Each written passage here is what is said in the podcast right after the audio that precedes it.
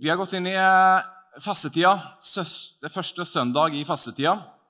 Eh, og det slo meg at vi skal starte fastetida gjennom å snakke om å spise brød. Så det er klart det er ikke helt eh, i, tråd, men jeg tror når dere hører budskapet, at dere likevel ser at dette absolutt er i tråd med hensikten fastetida. Jeg skal ikke snakke så mye om fastetida nå, men jeg, jeg vil likevel vi skrev på Facebook nå litt tidligere i uka hvis dere ikke har gjort det allerede, vurder om det er noe i livet ditt som du nå fram til påske har lyst til å ta vekk, som du ser dette skaper egentlig støy for meg i livet mitt. Eller er det egentlig ting jeg kanskje har lyst til å prøve å være uten for en periode, for å se om noe som er viktigere, kan få større fokus. Tenk gjennom det, om det er det. Fastetida begynte nå på onsdag, men det er ikke farlig å begynne noen dager for seint. Det går nok veldig bra. Bønnemøtet som Geir snakka om, for å ta det starter klokka åtte på mandag, det er et bønnemøte hvor vi ønsker, eller et, et, ikke et bønnemøte, et møte med de som står i bønnetjenesten, eh, eller folk som har lyst til å være med i bønnetjenesten, for å prøve å snakke gjennom hvordan tar vi bønnetjenesten videre fra der vi er nå i forsamlingen. Så dere er hjertelig velkommen til det klokka åtte i kapellet på mandag. Det er ikke lenge siden jeg eh, eh leste en artikkel som het Glem prangende forbruk, nå er det prangende moral som gjelder. Og hva tanken med den artikkelen var, er at eh, før altså Kronikkforfatteren at før så var det slik at de som hadde mest penger, viste det igjen. ofte, og Som ønska status i forhold til det, viste det igjen gjennom merker og den type ting. Mens problemet nå er at det er ikke så lett å skille seg ut lenger, for det er veldig mange som har disse merkene. Og nå er med den prangende moralen som gjelder. En moral som ikke alle andre har råd til å følge. Og En måte å gjøre det på er f.eks. gjennom kosthold, som koster inn i hampen mye penger, men visstnok skal gjøre innsiden vår bedre. Eh, og det er klart, Jeg har ikke kompetanse her nå til å kunne si om det fungerer eller ikke. Kanskje har de rett, eller kanskje har de ikke rett. Jeg ser at Sunnkost skriver på sine sider at det er tid for tang og grovt tangpulver, at det visstnok er trendy. Eh, og det skal de selvsagt få lov til. Kanskje er det det som er trendy. Og kanskje fungerer det. Eller kanskje fungerer det ikke. Jeg vet ikke. Så lenge jeg kan få lov å fortsette å spise min ultraprosesserte mat, og fortsatt kan tro at jeg lever et sånn noenlunde sunt liv, så skal de få lov til å spise tang så mye de vil. Ikke misforstå meg. Det finnes kosthold som åpenbart forlenger livet. Og det finnes kosthold som åpenbart forkorter livet gjennom at det er usunt. Og jeg tror refleksjon av hva vi putter i oss i forhold til helsen, er viktig. Jeg har min tvil til at tangpulver bidrar særlig mye i den ene eller andre retning. Men hva vet jeg? I min barndom jeg har fortalt en gang tidligere, i min barndom så vokste jeg opp med en garasje fullt med noe som heter Golden-produkter. Det var, eh, det var Golden-produkter. Det var et merke som Litt sånn som Tuppvare Home Parties. Det var et merke som da hadde spesialisert seg på alt av vitamintabletter og vaskemidler og litt andre ting. Det de tenkte at det vi kan putte under dette brandet. Eh, og så var da min far, som er misær det er klart Emissærer de tjente ikke all verdens. Han hadde fått tips fra en annen emissær. Her er en måte å tjene litt ekstra slanter. Så han, han, brukte masse penger på å kjøpe Golden-produkter til mamma, som hun da solgte ut på sånne homeparties vitamintabletter. Så jeg vokste opp med dette. Kosttilskudd. Det skulle gjøre eh, kassen litt større, eh, og så skulle det gjøre at folk fikk et sunnere liv. Kassen ble definitivt ikke større, det kan jeg fortelle dere. For når vi flytta fra Larvik ganske mange år etterpå, så var det fortsatt ganske mye Golden-produkter som da gikk i søpla. Eh, men om de fikk et bedre liv eller ikke, de som brukte de, det skal jeg ikke uttale meg om. Vet du hva? Ikke bare tror jeg det finnes kosthold som betyr forskjell. Jeg er fullstendig overbevist om at et visst type kosthold baner vei for et evig liv. Og en spoiler det handler ikke om maten er ultraprosessert eller ikke. Vi går inn i teksten. Det er lang tekst, så du bare følger med. Dagen etter var det enda mange mennesker som Johannes 6, 22 og videre. Dagen etter var det mange mennesker på den andre siden av sjøen. De hadde sett at det var en båt der, og at Jesus ikke var gått om bord i den samme disiplene. De hadde dratt bort alene. Noen båter fra Tiberias la nå til nær, og Herren hadde bedt takkebønnen, og de hadde spist brød. Da folket så verken Jesus eller disiplene hans var der, gikk de i båtene og dro over til Kapernaum for å lete etter ham. De fant ham på andre sida av sjøen og sa til ham, 'Rabbi, når kom du hit?' Jesus svarte, 'Sannelig, sannelig, jeg sier dere, dere leter ikke etter meg fordi dere har sett tegn, men fordi dere spiste av brødene og ble mette. Arbeid ikke for maten som forgår, men for den mat som består og gir evig liv, den som menneskesønnen videre. For på ham har Far Gud selv satt sitt seil. Da sa de til ham, hvilke gjerninger er det da Gud vil at vi skal gjøre? Og Jesus svarte, dette er de gjerningene Gud vil dere skal gjøre. Tro på ham som Gud har sendt. Ja, Men hvilke tegn gjør du? Så vi kan se deg og tro på deg. Hva vil du gjøre? spurte de. Våre fedre spiste manna i ørkenen, og skiktet så skrevet. Brød fra himmelen ga han dem å spise. Og Jesus svarte, sannelig, sannelig, jeg sier dere. Moses ga dere ikke brød fra himmelen. Det er min far som gir dere det sanne brødet fra himmelen. Guds brød er det brødet som kommer ned fra himmelen og gir verden liv. Da sa de til ham, Herre, gi oss alltid dette brødet. Og Jesus svarte, Jeg er livets brød. Den som kommer til meg, skal ikke hungre, og den som tror på meg, skal ikke tørste. Men jeg har sagt dere, ennå dere har sett meg, tro dere ikke. Alle de som Far gir meg, kommer til meg, og den som kommer til meg, vil jeg aldri støte bort. For jeg er ikke kommet ned fra himmelen for å gjøre det jeg selv vil, men det Han vil, Han som har sendt meg. Og det Han vil, Han som har sendt meg, er at jeg ikke skal miste noen av dem Han har gitt meg, men reise den opp på den siste dag. For dette er min fars ville, at hver den som ser Sønnen og tror på ham, skal ha evig liv, og jeg skal reise han opp på den siste dag. Jødene murret mot ham fordi han sa, 'Jeg er brødet som er kommet ned fra himmelen.' Og de spurte, 'Er ikke dette Jesus, Josef sin sønn?' Vi kjenner jo både faren og moren hans. Hvordan kan han da si han er kommet ned fra himmelen? Jesus svarte, 'Hold opp med den murringen.' Ingen kan komme til meg uten at Far, som har sendt meg, drar ham, og jeg skal reise ham opp den siste dagen. Det står skrevet hos profetene, alle skal være opprørt av Gud. Og den som hører på far og lærer av ham, kommer til meg. Men ingen har sett min far. Bare han som er fra Gud, har sett far. Sannelig, sannelig, jeg sier dere. Den som tror, har evig liv. Jeg er livets brød. Fedrene deres spiste manna i ørkenen, men de døde. Det brødet som kommer ned fra himmelen, er slik at den som spiser det, ikke dør. Jeg er det levende brødet som er kommet fra himmelen. Og den som spiser dette brødet, skal leve til evig tid. Og det brødet jeg vil gi, er min kropp, som er gitt til liv for verden. Nå ble det strid mellom jødene. Og de sa, hvordan kan, han, hvordan kan han si at han skal gi sin kropp å spise? Jesus sa til dem, sannelig, sannelig, jeg sier dere, hvis dere ikke spiser menneskesønnens kropp og drikker hans blod, har dere ikke livet i dere.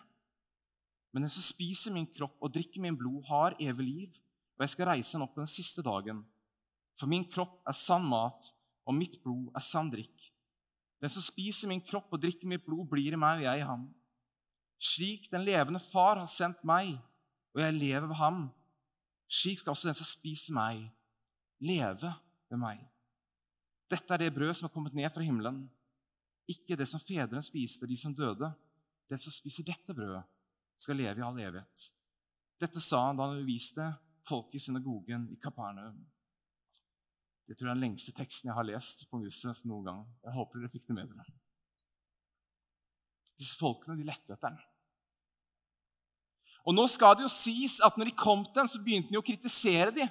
Fordi at det som ikke jeg sa her, at den teksten her følger rett etter teksten hvor han både metta de 5000, og så gikk han på, på havet. Så når de da kommer, så sier han dere leter jo ikke til meg. Altså Grunnen til å lete etter meg er fordi dere ble mette. Dere vil ha mer mat. Og så Ikke lenge ut i den samtalen så drar da Jesus de tilbake til en episode som de ikke kjenner veldig veldig godt til. Perioden hvor fedrene spiste manna i ørkenen i 40 år. Brødet som kom ned fra himmelen. Og La oss ta en liten recap på det. Det talte jeg også litt om i vår. i forbindelse med gi. Og det er fordi at dette går igjen som bilde i veldig mye av tekstene i Bibelen. Dette var noe de aldri kom til å glemme. I 40 år så lå det brød utover ørkenen som de plukka. Seks dager i uka. Den ene dagen måtte de plukke dobbelt pga. sabbaten. De kom ikke til å glemme det. Det er ikke noe du glemmer det første. Det gikk fra slekt til slekt, fortalte de om dette. Underet og hvordan Gud hadde forsørget dem. Så hva gjør brød med oss sånn rent fysiologisk? For teksten her sier jo at vi mottar livets brød Jesus Kristus. Og Hvis det er brød, så betyr det at det er noe som skal fortæres, noe som skal, eh, noe som skal konsumeres, siden han bruker den terminologien. Det er noe som skal gjennom en fordøyelsesprosess i kroppen vår. Og Det er i utgangspunktet en biologisk modell. Men vi skal dra det inn i en mekanisk modell som kan minne om det. En bensinmotor. Vi har bensin i tanken. Hvis den bare ligger der, så gjør den ikke så mye. Men hvis bensinen begynner å settes i prosess gjennom systemet, det tennes fyr på den, så skjer det små eksplosjoner. Det dannes kraft. Den gir energi, og den gir krefter til å f.eks. drive en bil framover.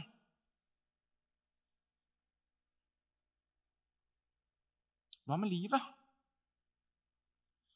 Vi hadde vært på fjelltur, eh, gått, en, eh, gått en tur med en bekk og så bøyd oss ned. De fleste av oss har sikkert i hvert fall det. Og lagt hendene sånn på den måten og skal drikke.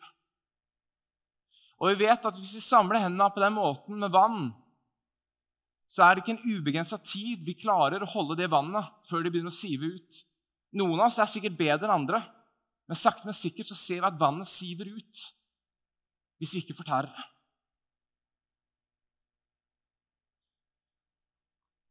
Jeg har ikke passert det første av disse veimerkene i livet som de omtaler. 40-åra. Blitt 40, og etterpå det skal de visst komme på rekke og rad, sier de. Åra, markeringene hvor du vet at livet, du ser at livet det er ikke Livet her nede er ikke evig. Jo eldre du blir, jo mer merke kan du sikkert representere at livet renner ut. Det livet jeg har her nede. Det er ikke evig. Det tar en gang slutt. Hva mener egentlig Jesus når han snakker om livet? Grekerne de brukte jeg, jeg så på det i går, de, jeg tror de egentlig bruker tre ord. Men de bruker primært to ord for, uh, for livet. De bruker et ord som heter bios, og så bruker de et ord som heter zoe. Og bios det er ordet de, det ordet de bruker når de snakker om biologisk liv, altså fysiske livet. Og zoe er det ordet de bruker når du kan si de snakker mer om kvaliteten med livet, eller hva som gjør livet verdt å leve. Eller hva som er dybden i livet, da, som virkelig gir en mening. På norsk så bruker vi eh, litt det samme ordet. Jeg kan si på en sånn traust måte 'Jeg, jeg lever livet'. Jeg er ikke begeistring. Jeg lever livet. Det kan jeg dokumentere at jeg lever livet, for jeg står her nå. Men jeg kan også si det de samme ordene så å si sammen med Åge Aleksandersen. Å, leve livet. Nei, jeg tror det blir med den ene gangen, David. Jeg tror ikke jeg skal, jeg vurderte om jeg skulle droppe det, men nå gjorde jeg det. Det var en søknad til Jone. Eh, men dere ser forskjellen. ikke sant? På den ene måten sier jeg at jeg lever livet, det kan dokumentere. Jeg står her nå. Og på den andre måten så synger jeg en sang da som handler om noe helt annet. Det er de samme orda. Men det er da hva Åge Aleksandersen legger i det å leve livet. Og det skal jeg ikke ha noe lengre utleggelse om nå. Kanskje, kanskje, noe jeg er enig i, kanskje noe jeg er uenig i. Men det er det han tenker på. Hva vil det si å leve livet når jeg på en måte er på mitt aller beste? Når jeg virkelig trives? Kan det være at dette er noe av poenget til Jesus? At vi inntar ham og det han kommer med. Og det er ikke bare tenkt å ligge der i en bensintank. Men det er tenkt å gå inn i en fordøyelsesprosess inn i våre liv. Tas fyr på, eksplodere, skape energi, krefter til kroppen. Er det noe i ditt liv med Kristus hvor du merker at det som kommer inn, det setter fyr på noe? Jeg merker det skjer noe med meg. Det gir overskudd. Det bryter gamle bånd. Det skaper endring. Det skaper et nytt liv for meg. Zoe, ikke Bios. Du vet, eh, min, eh, min sønn Vesper eh, Jeg ser når han lever livet. Det er jo sånn ofte når vi har barn, at de får veldig mye gaver til jul. Noen av gavene er ganske dyre, og så er noen av gavene som er ganske billige. Og Et par av de dyre gavene de står knapt nok eh, pakket ut. Eh, men slushkoppen som Victoria kjøpte til han for en slikk og ingenting på salg før jul, den brukes og fylles opp med fun julebrussaft eh, og selvfølgelig med en liten eim av grovt tangpulver flere ganger i uken. Det er ikke tvil om at slush, sukkerfri julebrussaft-slush, er hva det vil si å leve livet for den lille gutten. Det er det han, Når han får den, så er han i 100. Og De er dyre gaver der oppe, de bryr seg ikke så mye om, men den er blitt en viktig del av livet hans. Vi kan le av det, men så er spørsmålet hva symboliserer i vårt liv, da? Hva vil det si å leve livet for deg? Hva er egentlig livskvalitet for deg? Jeg skulle sagt for meg, Jeg er veldig glad i å løpe, f.eks. Det vil jeg sagt. Jeg stortrives når jeg får løpe noen dager i uka. Da har jeg det bedre med meg sjøl. Men så er jo problemet da, at en del av de tingene som vi liker å gjøre, kan også bli til substitutter. For jeg vet jo også at når jeg løper, hvis jeg har dårlige dager jeg løper, ja, da er jeg ferdig med den dårlige dagen. Da har jeg det bedre etterpå. Så hvis jeg har nok dårlige dager etter hverandre, og jeg bare fortsetter å løpe, så risikerer jeg at jeg bygger opp et substitutt i det å løpe. Som skal prøve å få vekk et problem. At jeg egentlig ikke har det så bra med meg sjøl. Og jeg løser det gjennom å løpe.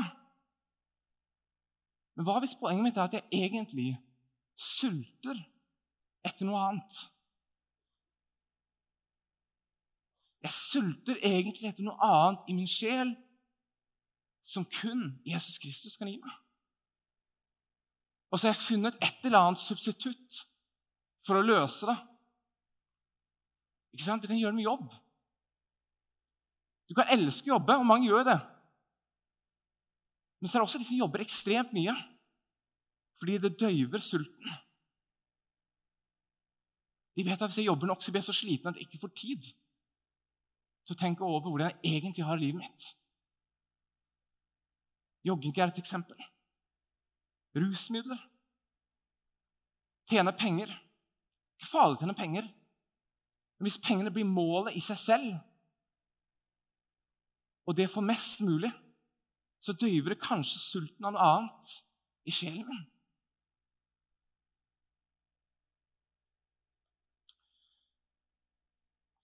Lever livet egentlig sånn jeg vil? Putter jeg inn kostholdet for det livet jeg ønsker å leve? Eller døyver jeg noe av savnet med substitutter?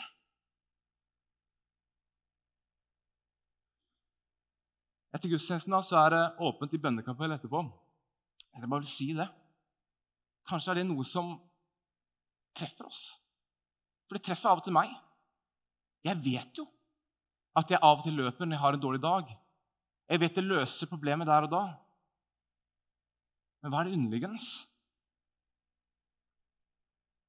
Kanskje er det noen ting i livet ditt du har putta inn som substitutter, og du vet det. Som egentlig handler om at du har en hunger i sjelen din etter noe mer. Jeg vet du kan pelle deg inn da. Det er noen som vil be for deg å snakke med deg hvis du har lyst til det. Eller hvis du bare vil sitte inn og tenne lys. Um, og Så drar jo da Jesus dette mannabildet videre. Han sier det var jo Gud som ga dere dette brødet fra himmelen, ikke Moses. Og selv om brødet var veldig reelt for israelittene, så pekte det også fram mot noe som skulle komme. At Guds brød er det brød som kommer ned fra himmelen og gir verden liv. Og så kommer responsen deres selvfølgelig Herre, gi oss alltid dette brødet. Hvor det nydelige svaret kommer. Jeg er livets brød. Og den som kommer til meg, skal ikke hungre. Og den som tror på meg, skal aldri tørste. Folkens, det kan være vi sitter med et måltid for det evige liv. Og opp mot det kan vi bare glemme quinoa-frø, tang og tare, eller hvorvidt maten er multiprosessert. Jeg måtte få hjelp av Mariann Tilheida til å uttale quinoafrø. Klarer ikke. Jeg leser det, klarer ikke å få det riktig, men jeg har fått hjelp til å si det riktig nå. Ingen av disse tingene her kan gi oss evig liv. Men dersom livets brød da, kom fra himmelen rett ned foran oss, og vi inntok det Og la det gå gjennom systemet vårt og tenne fyr Skape mening i sjelen vår. Kanskje på prosesser som har ligget der i lang, lang tid. Så dette brødet skaper liv. Og det er ment å bety en reell forskjell. Vi skal kunne merke at det kvikker oss opp, på lik linje som at vanlig næring kvikker oss opp når vi inntar den. Hvis ikke så har han ikke brukt det bildet. Det er en absolutt nydelig historie um, nett. Det er ikke bare på nett han uh, reiser rundt med nå. En som heter Charlie Mackesy som bl.a. vant eh, Oscar for beste animerte kortfilm i 2023. Han forteller en episode som forandra han eh, fra å være ateist i veldig, veldig mange år. Særlig med en begrunnelse i all den lidelsen som er i verden. Og tanken på en god Gud da ikke går opp med all den lidelsen han ser. Dette forandret seg gjennom et lengre opphold han hadde i Zimbabwe, eh, hvor han så de absolutt forferdelige forholdene der. Så på mange måter skulle egentlig kunne jeg skulle egentlig kunne underbygge hans tanker. Men hos en av de damene han var hos da, eh, på dette besøket, så eh, hadde hun på veggen skrevet et ark hvor det sto eh, skrevet et ark, og så ett under det så hang det et bilde av Jesus. Og på det arket så sto det 'Jeg er livets brød'. Og Charlie han spurte tror du på dette. Og svaret ble ja. Men hvordan kan du tro på dette i denne lidelsen? Du har knapt nok mat til å brødfø familien din. Hvordan kan du mene at dette gir mening? Jeg vet ikke om det var akkurat sånn han sa det, men det er sånn jeg sier det. Du kan se det, Søke på nett, så vil du finne det. Um, og så poengterer du at det er en annen sult som er større, og som blir dekket en åndelig sult for sjelen. Og så spurte hun tilbake ja, hva dekker denne sulten for dere der oppe i det kalde nord. Han beskriver han sleit med å svare på spørsmålet. Han sa rett ut jeg forstår knapt nok hva spørsmålet betyr. Men de tankene som kom til en var ecstasy, fester, kvinner, fotball. Charles Mackesy er fra England, så fotball er jo, er jo her og da. Men, ja. men egentlig hadde han ikke noe svar. Han sleit med å finne svaret. Og Den episoden med flere gjorde til at Charlie begynte å tro. Mye på grunn av en håndskrevet lapp. 'Jeg er livets brød'. Ikke sant? Tilbake. Bios. Zoe. Hva er meningen med livet? Hva lever jeg dypest sett for? Pave Johannes Paul 2. sa en gang Bønder overalt skaffet brød til hele menneskeheten. Men det er bare Kristus som er livets brød.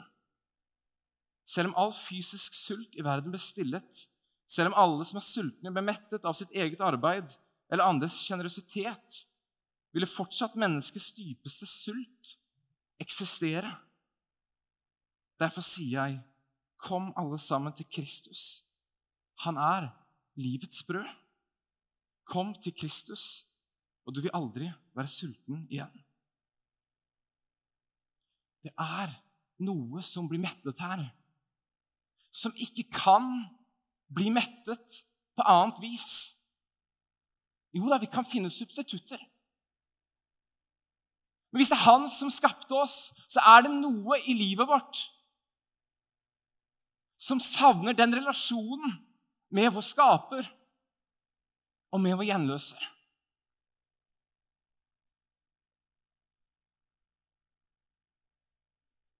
Vi har gitt alt vi trenger, rett foran oss. Og Som Jesus svarte når de spør hva, hva skal vi gjøre i teksten. Tro på Han som Gud har sendt. Vi må ikke gå rundt og tro at det eksisterer mange forskjellige parallelle veier til Gud. Den går gjennom Jesus Kristus. Dette er Kirkens budskap.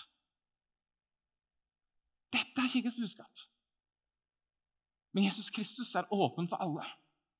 For den som tror og ønsker å ha Han som Herre i sitt liv. Og det er en invitasjon, en åpen invitasjon til fellesskap. Vi holder en skatt oppi det i kirken som vi ikke må forkludre til. En av kommentarene jeg leste i forhold til teksten, sier det såpass sterkt som dette. Eh, uten Jesus kan det være eksistens, men ikke liv. Derfor, hvis Jesus er essensen av liv, kan han beskrives som livets brød. Så dette er teologer som holder på å beskrive det.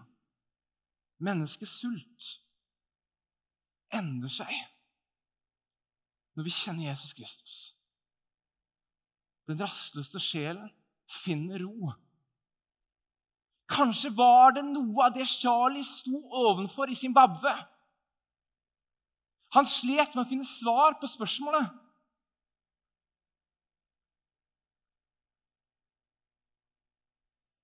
Og Nå kommer vi til det punktet. Vi skal innta han som livets brød. Så er den relasjonen som oppstår, det er ikke noe fladisk vending. Folkens, er det én ting som er opptatt av å si, så er det at troen på Jesus Kristus er ikke en overfladisk greie.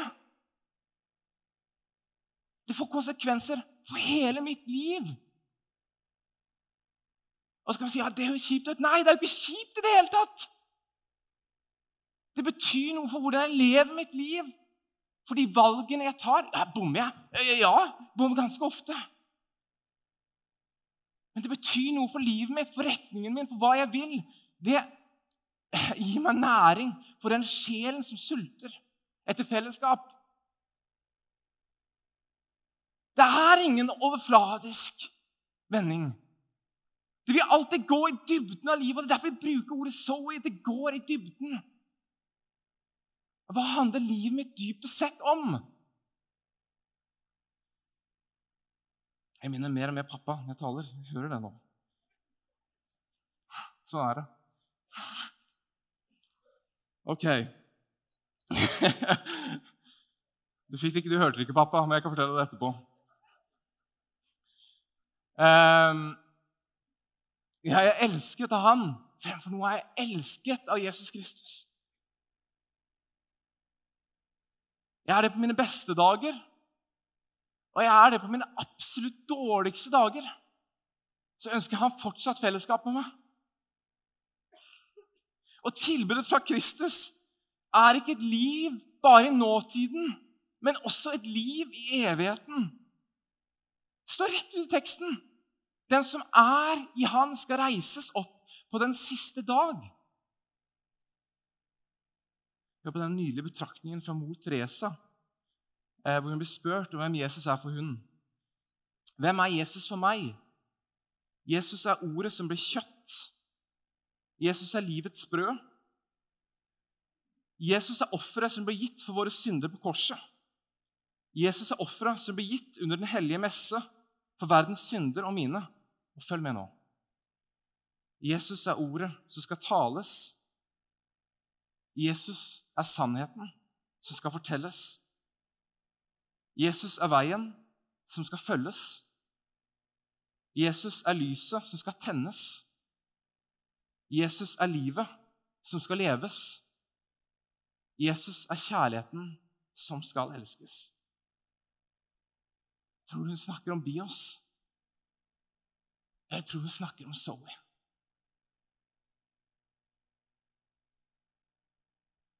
Jeg hørte et fascinerende eksempel fikk det så lenge siden av en som hadde da utforsket dette knytta til eh, verdens religioner i forholdet å ha med en personlig gud. Og som jeg har tatt forbehold av, for det er så enormt mange religioner. Så han her hadde jo ikke da snakket med alle. Han hadde sikkert da snakka med folk i forskjellige av de store religionene. da, I forhold til det å ha en personlig relasjon til sin gud. Um, og det fant han jo ikke noe annet sted. Og det er egentlig ikke så rart. Fordi hvis det finnes en Gud, så tenker vi at det er han opphøyd, allmektig. Og Egentlig er da konsekvensen veldig fort at vi tenker at det blir jo ikke personlig. Det blir en vi skal kaste oss ned for, en vi skal tilbe. Og det skal vi òg. Men det er ikke så naturlig at det blir en personlig relasjon. Og Vesten har kanskje hatt sitt fokus på venstre hjernehalvdel gjennom filosofisk, vitenskapelig og logisk tilnærming, så har kanskje Østen hatt et fokus på den høyre hjernehalvdelen. Det mystiske og det skjulte. Så hvor passer egentlig kristendommen inn i dette, da? Egentlig ingen av dem. Eller begge to. Eller mer enn det. Fordi det er dypest sett personlig.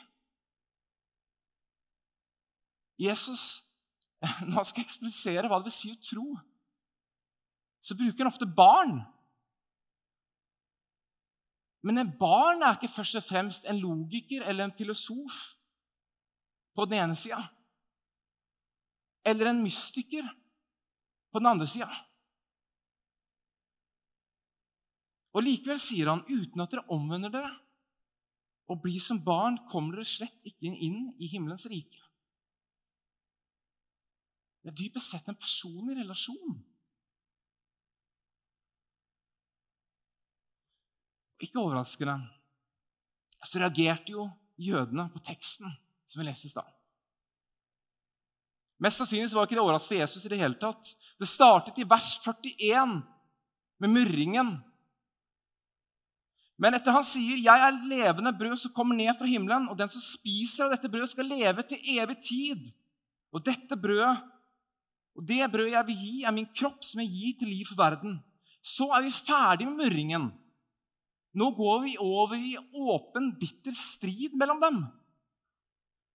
Det ordet som brukes der, kan tolkes på den måten. Men Jesus bremser jo ikke der. Han fortsetter bare da. I vers 53 så sier han rett ut Sannelig, sannelig, jeg sier dere Hvis dere ikke spiser menneskesønnens kropp og drikker hans blod, da har dere ikke liv i dere. Men den som spiser min kropp og drikker mitt blod, har evig liv, og jeg skal reise ham opp på den siste dag. Ok, Så vi blir alle, altså alle gitt eh, dødelige, et dødelig liv gjennom konsumeringen av den forbudte frukt i første Mosebok 3. Det er vi enige om. Og så blir vi nå da gjort levende igjen gjennom å spise Kristus, som er den eneste kilde til liv. Ja, Vers 56 sier det egentlig rett ut. Den som spiser min kropp og drikker mitt blod, blir i meg, og jeg i ham. 58. Den som spiser dette brødet, skal leve i all evighet. Og så er det sånn at De av oss som kjøper brød på butikken, vet at et helt brød eh, det hjelper oss ikke så mye.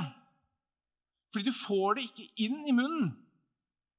Da skal du i så fall ha en utrolig stor munn hvis du klarer å få det inn i munnen uten å måtte, eh, på en eller annen måte modifisere dette brødet.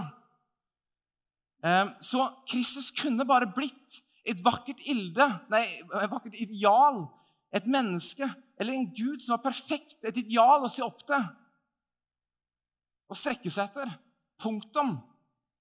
Men det ville ikke vært veldig mye til hjelp for meg, for jeg sitter fortsatt her med mitt liv, med mine utfordringer, med at jeg ikke får til å leve sånn som han gjorde. Derfor ble han knust. Han ble revet i stykker for oss, så vi kunne innta ham. Og vite at det han gjorde på det korset At når jeg inntar det, så kobler jeg på det han gjorde. Men han betalte for all verdens skyld og synd. Han betalte også for min. Livets brød ble revet i stykker. Og vi er gitt også å motta det reelt gjennom hans ord, men også gjennom hans kropp og gjennom hans blod. Når jeg leser Johannes 6, så er det en gang jeg tenker jeg er utrolig takknemlig. Er, altså for det, så er jeg utrolig takknemlig for han Luthers sakramentsforståelse. For det er ingenting overhodet i den teksten her som peker på at nattverden er et, eller det som skjer, er et symbol. Det er ingen som helst tvil om at de forsto dette som dypest sett reelt. For det som står rett etter teksten, er dette. Dette er harde ord. Hvem kan høre på slikt? Og dette blant hans egne disipler. De ble støtt av det han sa. Og det er egentlig ikke så veldig rart. Fordi han ber de i praksis spise hans kjøtt, drikke hans blod. Det er ikke rart egentlig de reagerte, men det er ingenting symbol over det. Han mener det konkret, reelt. Og Det står litt senere at mange disipler trakk seg unna han etter dette og gikk ikke lenger blant ham. Budskapet vekket anstøt. Og så skal jeg ikke nerde for mye i kirkehistorien, men bitte litt må jeg få lov til.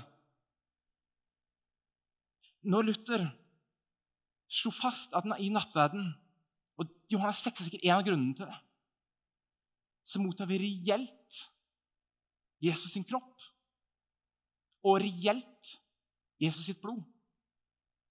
Det betyr at Jesus er reelt til stede i brød og vin vi mottar. Og Hvordan det skjer, skjer, sier Luther, er et mysterium. Jeg skal ikke engang prøve å forklare det. Men dette er det tekstene sier. Og Da avviser han også den katolske lære om transsubstasjon, som var vanskelig si, hvor de tenkte at vin og blod altså, ble endra konsistens eller substans og ble i substans til blodet og eh, kjøttet. Luther sier dette er sånn det er. Det, det står. Dette er Jesu blod. Dette er Jesus kropp. Ja, ok. Det er det der. Det er et synlig tegn på en usynlig nåde som jeg ikke forstår noe av, men som jeg får lov å innta og som jeg vet gir liv.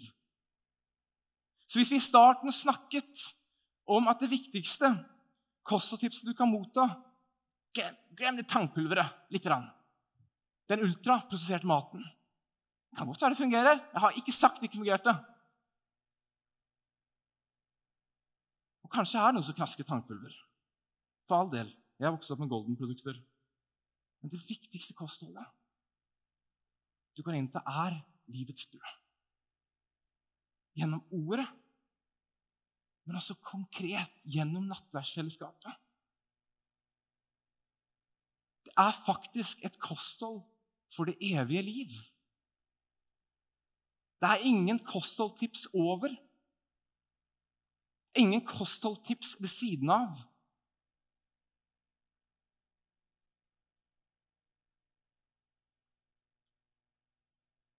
Kanskje er det den damen i Zimbabwe hadde erfart. Jeg har lite av denne verdens mat. Men jeg har i hvert fall fått tak i det som kan tilfredsstille sulten i min sjel. Menneskeheten spiste en gang en frukt som ledet til død i og med Kristus. Nei, som ledet til død, komma, i og med Kristus er invitert til å spise et brød som ble revet i stykker, men ble reist opp igjen, som leder til liv. et liv i all evighet.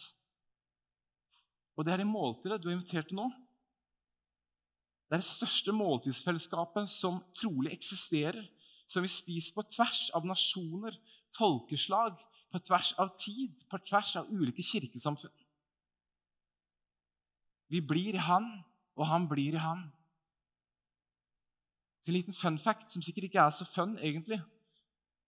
Når du sitter i disse eh, altså kirkebygningene, så sitter du ofte rundt en alterring. Vet dere hvorfor? Litt av grunnen er at alterringen bare er halv.